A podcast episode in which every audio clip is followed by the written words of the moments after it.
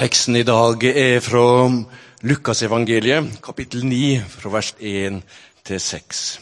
Og det er litt av en tekst. Hør hva Lukas skriver. Jesus kalla sammen de tolv og gav dem makt over alle vonde ånder og kraft til å leke sykdommer. Så sendte han dem ut for å forkynne Guds rike og gjøre sjuke friske. Han sa til dem, ta ikke noe med dykk på vegen, korkje stav eller væske eller brød eller penger, og ingen skal ha med to kjortler. Når de har tatt inn i et hus, så vær der til det fer videre. Men er det noen som ikke vil ta imot dykk, så skal det fare bort fra den byen og riste støvet av føttene. Det skal være et vitnemål mot deg.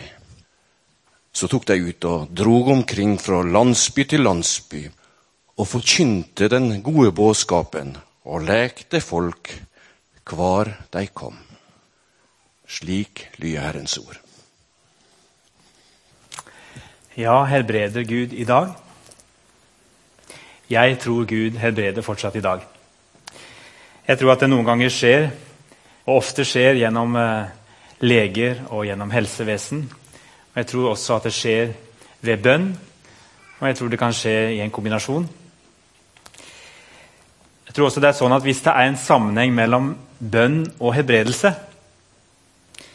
da vil det være egoistisk av oss å ikke anbefale det som en av flere måter å vise mennesker omsorg på som kristne. Tenk om jeg hadde tilgang til en, en kraft og en mulighet i Jesu navn, og så gikk jeg og holdt det for meg selv. Det greske ordet for frelse det er ordet zoo. Og det brukes om hverandre om frelse og helbredelse. Det er en liten påminnelse til oss eh, vestlige mennesker som ofte har en veldig sånn sterk dualisme mellom det som er fysisk og det som er åndelig. At uh, Bibelen er ikke så veldig opptatt av å sette det skillet på samme måten som vi kanskje er. At frelse er noe mer enn bare kroppslig legedom. Selvfølgelig er det det. Men det har også sammenheng med at kroppen skal bli hel. Og det har vi løfter om at den skal bli en gang. Og frelsen den, eh, den, får vi for våre tilgivelser, og den er reell, og den kan vi ta imot her og nå. Men vi vet også alle sammen at eh, det er elementer av denne frelsen som vi enda ikke helt har sett fullført i livene våre, og som vi venter på skal bli fullført en gang. For det er en del ting som vi må fortsatt slite med og kjempe med på denne siden av eh, evigheten. Bibelen er altså ikke så opptatt av å sette sterke skiller mellom det åndelige og fysiske som vi ofte er. Den ser på dette som en helhet. Ser vi alle konsekvenser av dette allerede nå? Nei. Blir vi helbredet på kroppen? Ja, det skjer, og det har vi løfter om. Ser vi alle konsekvenser hos alle? I de senere år har jeg overvunnet noen av de barrierene som jeg har hatt på dette området. Jeg er fortsatt underveis, Hendelser jeg har vært i nærheten av i tjenesten som prest, har gjort meg ydmyk og mindre påståelig. Å være sammen med mennesker som har opplevd hebredelse, det gjør sterkt inntrykk på meg. Jeg husker spesielt en som kom, kom, bort til meg i fjor. Jeg hadde ikke møtt ham på flere år, men jeg hadde visst at han hadde slitt med sykdom i mange mange år. Og Så kom han bort til meg på et arrangement. Han jobber i en annen menighet her i, i distriktet, i Rogaland kom han bort til meg og så har du hørt det. Ja, så måtte jeg innrømme at Via en venn så hadde jeg hørt at det hadde skjedd noe spesielt i livet hans. Det var noe nytt. Det var tydelig at noe hadde skjedd. Og så, og så bare begynte det, bare bobla det over. Han fortalte om denne helbredelsen som hadde skjedd i hans liv, og hvordan alt hadde blitt nytt. Og hvordan han hadde problemer med å forstå hvordan de andre kunne rusle rundt og være så lite opptatt av å be om helbredelse. Tenk hva jeg har fått oppleve! Jeg, jeg kan ikke stoppe, sier han. Jeg må snakke om det til alle. for Tenk om flere kunne få del i det! Og klart For noen så blir da dette så viktig i livet at jeg forstår veldig godt at eh, det er det de også vil snakke med andre om. Andre de vil ha en annen tilnærming, men eh, jeg gledet meg på hans vegne. For det hadde helt åpenbart skjedd noe. Han hadde fått en fornyelse i sitt gudsliv. Og han tenkte at den fornyelsen som har skjedd hos meg, den har jeg ikke fått bare for meg selv. Men den har jeg fått for å dele med andre som kanskje ikke opplever det samme. Men jeg har lyst til å peke på at Jesus lever. Han er fortsatt reell i dag. Det er mange som savner et større fokus på, på dette i våre menigheter. Noen syns det er mer enn nok av det. For meg er det en slags lydighetshandling å be når mennesker ber om at jeg skal gjøre det. Og så har det også skjedd ting i mitt liv når jeg har bedt, som jeg ikke kan forklare på annen måte enn at bønnen virker. Og så strever jeg fortsatt med å håndtere skuffelsen både jeg og de syke kjenner på når bønnen tilsynelatende ikke har gitt resultater. Og for å være ærlig, det er det vanligste. Det er fortsatt et av de områdene i min tjeneste der jeg har flest spørsmål og ikke er fornøyd med alle svarene jeg får. Det er jo ikke sånn at Jesus deler ut helbredelse til alle som jeg syns fortjener det. ikke sant? Det er litt sånn også med nåden og frelsen. Hvis det var så enkelt at jeg sa at han, han må jo bare få lov til å oppleve alt det gode i livet som du kan gi Gud. Han fortjener det. Det er ikke sånn det fungerer. Det går ikke an å sette dette på en formel. Jeg har flere bøker i hylla som forsøker å forklare hvordan vi som ber, kan bli mer effektive, så Guds kraft kan få mulighet til å virke. Andre bøker skriver om fallgruvene i en hebredelsestjeneste. Om sårbare mennesker som har kjent seg invadert og tråkket på, selv om intensjonene var aldri så gode. Vi har masse teori og masse erfaringer å øse av i Kirkens historie. Jeg kjenner litt på av og til at nå kan jeg egentlig nok. Nå må jeg på en måte praktisere sånn som det er. I en begrenset verden. Det er noen mennesker som uh, har fulgt meg på ulike stadier i livet som jeg har fått tillit til. En av de var Ove Konrad Hansen, som var lærer på Misjonshøgskolen. Han var en av de som eh, gjerne snakket med studentene også om sånne ting. Han var en lærd mann i Det nye testamentet spesielt. Han var en, en fantastisk flott eh, lærer og også veileder for mange av oss. Og han holdt et eh, foredrag tilbake til 1997 husker jeg, om dette med om Gud er bedre i dag, når vi hadde en sånn seminaruke på Misjonshøgskolen. For han var opptatt av dette temaet. Jeg husker da også at han siterte John Wimber, som grunnla Vineyard-bevegelsen. Og John Wimber, midt i sin, en tjeneste som kanskje noen av oss vil si kanskje fokuserte vel mye på dette med helbredelse. jeg tenker Det er også andre ting som er viktig, men han hadde en særlig tjeneste i dette. og fikk lov til å bety mye på det området. Men han sjøl ble kreftsyk. Og så, så, siterte Ove Konrad Hansen noe han sa. Mens jeg ble behandlet for kreft, var det noen som sendte et brev med følgende spørsmål til meg. Tror du fremdeles på helbredelse nå som du har fått kreft? Jeg skrev tilbake ja, det gjør jeg. Og sannheten er at jeg gjør det, men jeg tror også på smerte. For begge deler finnes i Guds ord. Tragedie, sykdom, uforutsette tap og smerte vil gjøre sin innflytelse gjeldende hos oss alle. Og selv om jeg ikke vet noen som frivillig vil velge det å lide, bruker Gud disse erfaringer til å gjennomføre sin hensikt i og gjennom oss. Men vi behøver ikke være redde. Gud er suveren. Han er vår styrke og vår fred. Vi kan være trygge i forvissningen om at det er Guds plan at vi skal få tilbringe evigheten sammen med ham. Derfor er det dypest sett ingenting som kan overvinne oss. Og det er gode nyheter. Og Så står Ove Konrad noen år seinere sjøl midt i en periode med fornyelse i Imi-kirken. For dette med bønn for syke. De hadde startet helbredelsesrommet der inne. Og det er jo av og til sånn at når, når, det bes, og når det bes mer enn før, så har det også en tendens til å skje mer. Og det gjorde det der. De opplevde at uh, helbredelse ble en måte å komme i kontakt med nye mennesker på. Nye mennesker fikk en berøring av Gud. Ove Konrad, som lærer og veileder og sentral i dette, sto midt i det og opplevde dette stort og sterkt. Og så blir han alvorlig syk, fikk svulst og hadde en veldig vond kreftsykdom. og Det ble bedt for han, og alle var jo så glad i han, og alle tenkte Gud, nå skal det skje et under i Ove Konrads liv. Men det gjorde det ikke. Han døde. Altfor tidlig, syns jeg, for han kunne hatt mange gode år enda. Men jeg tror han ville sagt det samme som eh, John Wimber sa noen år før. Og John Wimber sa også før ba vi lite om hebredelse. Og det skjedde også lite. Nå ber vi mye, og vi opplever at noen blir hebredet. Jeg tror Gud har litt humor oppi alt dette her, som egentlig er veldig alvorlig. Og eh, For noen år siden så, så var det en annen professor på MF denne gangen som jeg opplever som en av de mest akademiske og teoretiske og dyktige, kompetente på systematisk teologi i Norge, heter Jan Olav Henriksen. Har skrevet mer enn noen annen tror jeg, i vår tid, nyere tid. Masse bøker. i systematisk teologi. Sprenglærd. Et typisk hodemenneske. Som da bare plutselig opplever en dag i, når han var over 50, at uh, han får varme hender. Det er en som tilfeldigvis uh, kommer borti hendene hans og som sier du, det der er noe helt spesielt. Du har varme hender, du, Jan Olav.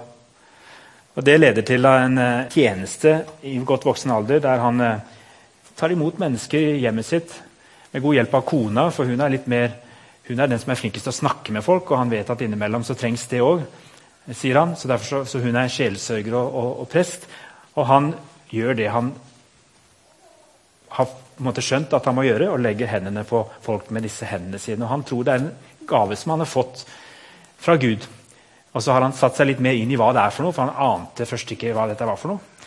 Da måtte han selvfølgelig skrive en bok.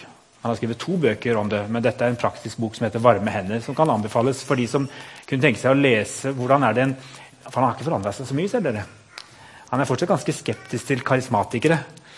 Eh, så Han har sin måte å snakke om dette på, men han snakker om det som en gave han har fått av Gud. og Les gjerne den boka for til dere som, som trenger en nøktern gjennomgang av hva det kan bety når plutselig noen iblant oss får den gaven.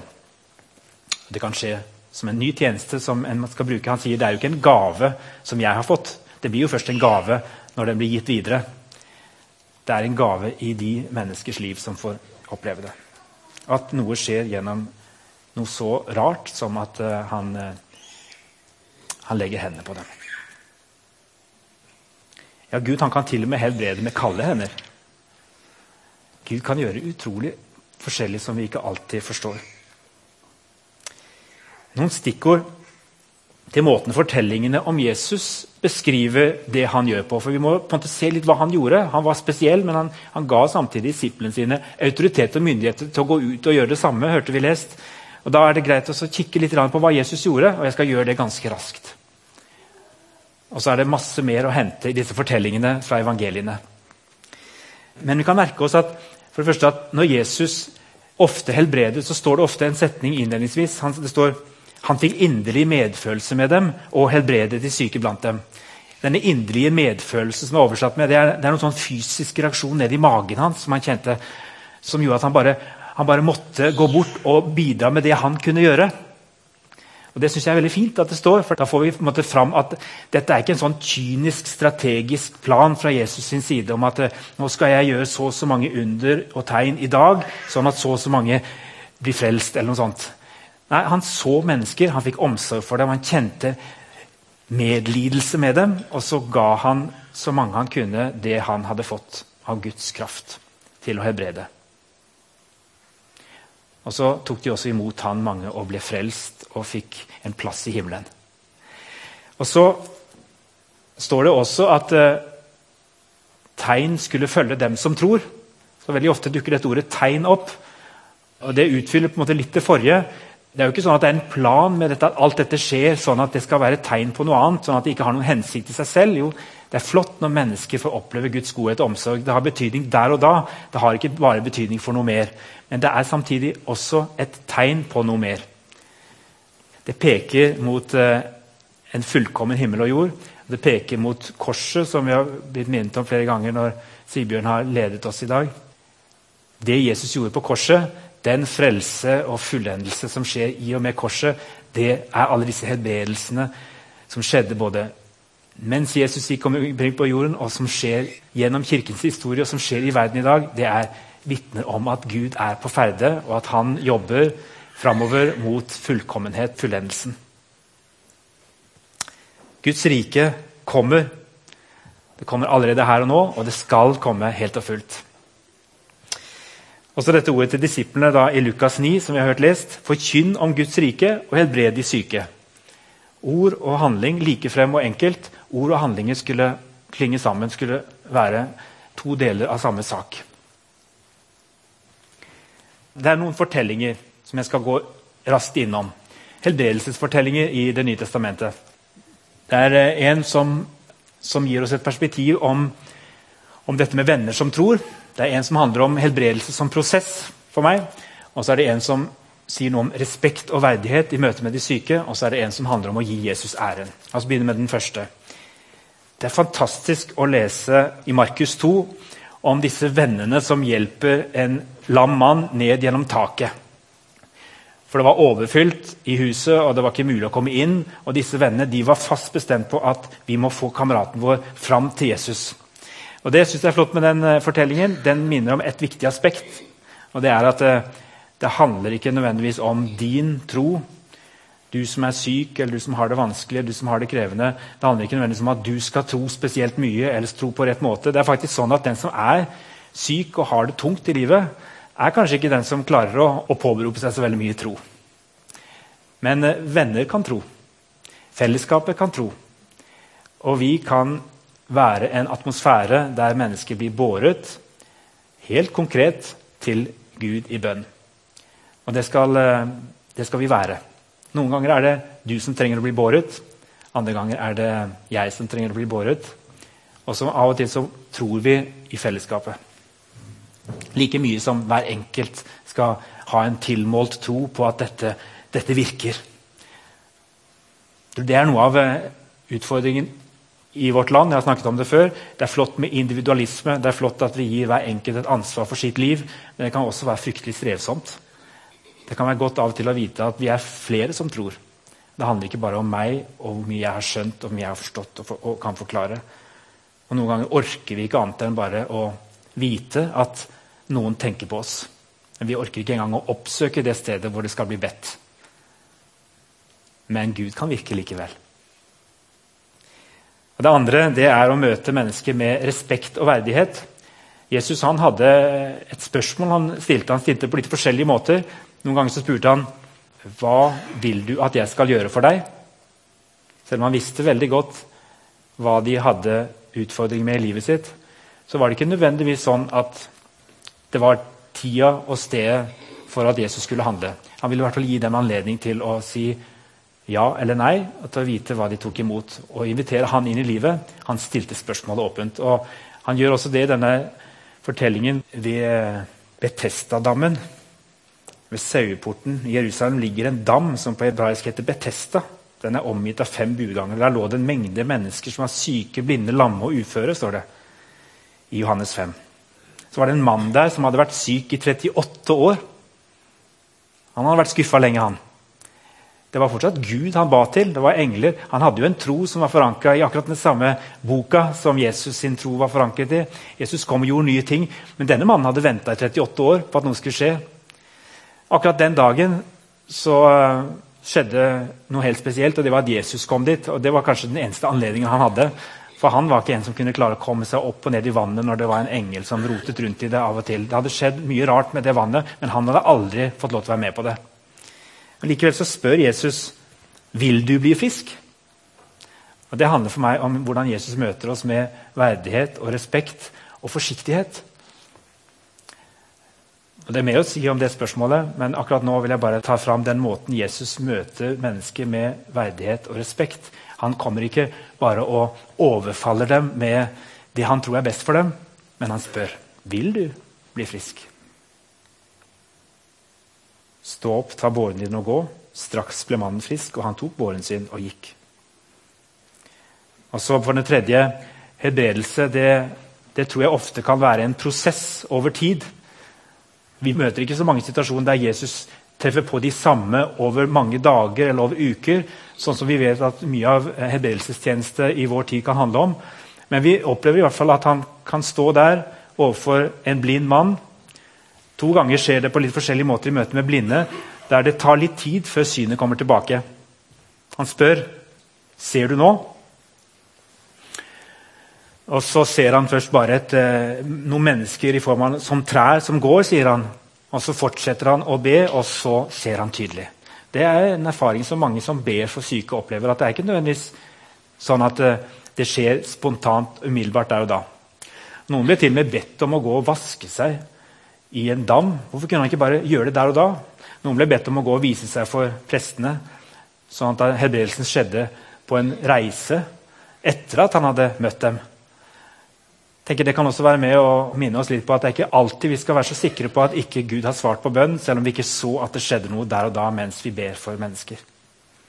Og Noen ganger så bruker han behandling og medisiner og mange ting om hverandre. Men jeg tror han kan handle gjennom det også.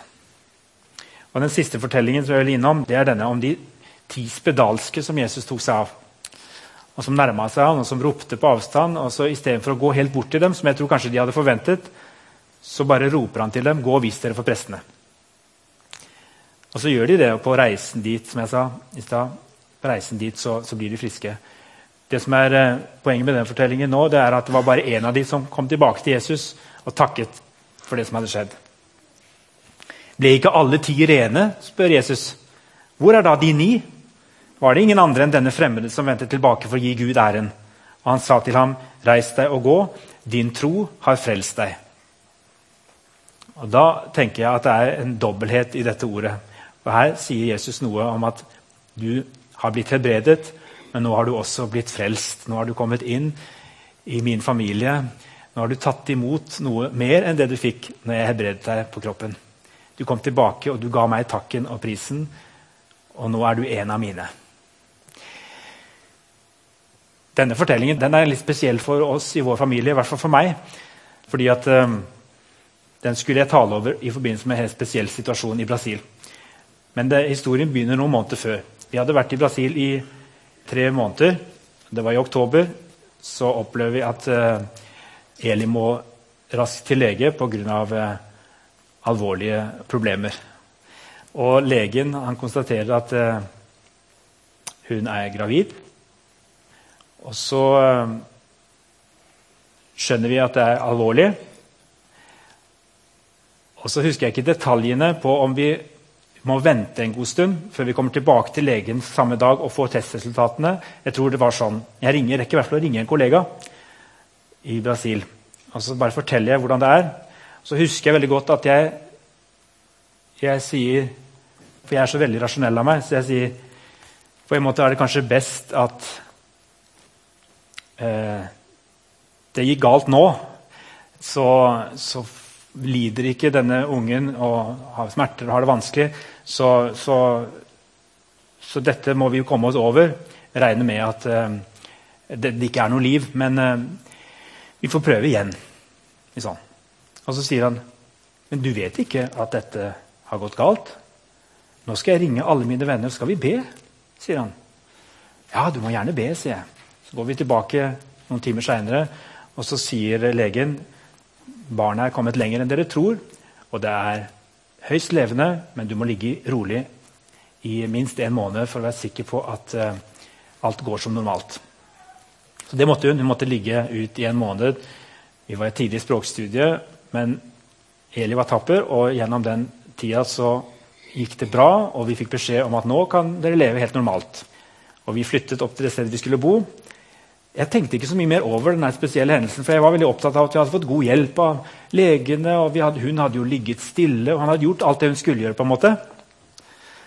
Og så Noen måneder etterpå så, så nærmer det seg fødsel, og vi har en anledning til å ha en gudstjeneste i den nye lille menigheten på en skole med gymnasiaster. Og da har vi et dramastykke om eh, de ti spedalske og den ene som vender tilbake. Og Jeg skal forsøke å si noe til disse ungdommene på den skolen om, eh, om denne teksten. Og så er jeg fortsatt sånn at jeg strever litt med Jeg kan jo ikke bare snakke om at Gud helbreder for sykdom. Jeg må finne en del andre momenter her, for det er så veldig få som kan relatere til det. Så Jeg husker enda hvordan jeg pusla med det at uh, denne teksten den handler om det at vi må takke Gud for alt det gode han gjør i våre liv. Er dere med? Jeg hadde liksom disse gode poengene og skulle liksom ramse opp alt mulig godt som Gud gir. Og så skulle jeg bare i en parentes si han kan sikkert også helbrede noen som er syke eller spedalske fortsatt i dag. Vi ser det kanskje ikke så ofte, men Og så eh, må vi i hui og hast sette i gang fødselen dagen etterpå. Og lang historie kort, det går bra med Heidi, men eh, vi var veldig nær ved å miste henne. Det som hadde vært vanskelig tidlig i svangerskapet, det hadde oppstått igjen seint i svangerskapet. Og Legen han sa det var et under at vi tok ut barnet i dag og ikke i morgen. For da hadde hun ikke overlevd. Og Så måtte jeg tilbake og så måtte jeg skrive en eh, preken som handlet om hva Gud fortsatt gjør i våre liv i dag. For jeg hadde jo helt glemt å takke for det han hadde gjort for ni måneder siden. Jeg hadde helt glemt å tenke at det var Gud som var på ferde da. Og jeg hadde veldig mye å takke for der og da for at det gikk bra med Heidi. Jeg kan ikke forklare hvorfor det ikke går bra med alle. Men vi har så lett for å tenke at eh, fordi det ikke går bra med alle, så takker vi ikke for det som går bra.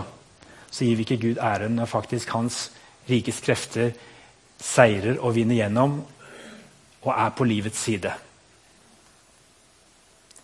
Siste poeng i dag, for nå må vi avslutte, det handler om at vi er et bønnens hus i vår menighet. Vi ønsker å være et bønnens hus. Vi kaller til og med huset der nede med bønnerommet, med kontorene for bønnesenteret og Bønnens hus. Men jeg tenker at Bønnens hus i bymenigheten har mange rom. Det har minst to som jeg vil snakke om nå. Det ene rommet det kaller jeg for frimodighetens rom. Og det andre kaller jeg for hvilens rom. Frimodighetens rom det er der vi, vi tar noen skritt i tro, og der noen av oss skal være litt modigere enn vi ofte har vært, og be Gud konkret om å handle på overraskende vis inn i menneskers liv. Fordi vi ser så mange som trenger han. Og vi ser så mange som ikke bare trenger han åndelig, men også fysisk og psykisk. Og vi skal be i frimodighet om at Gud handler, og at det kan skje mer blant oss. Men så er det også sånn at uh, vi skal ha et hvilens rom. Og det er et rom der hvor en kan komme og slippe å bli, oppleve et voldsomt mas om at uh, det skal bli bedt for deg, og nå må det skje en endring i livet ditt. Og Hvilens rom det er det stedet hvor uh, man får lov til å være akkurat der hvor man er nå. For noen ganger kan, kan det å bare hvile og ikke snakke så veldig mye og ikke fokusere så veldig mye på alt Gud skal gjøre, det kan være en nødvendig del også både av hebreelsen og det å leve et godt liv.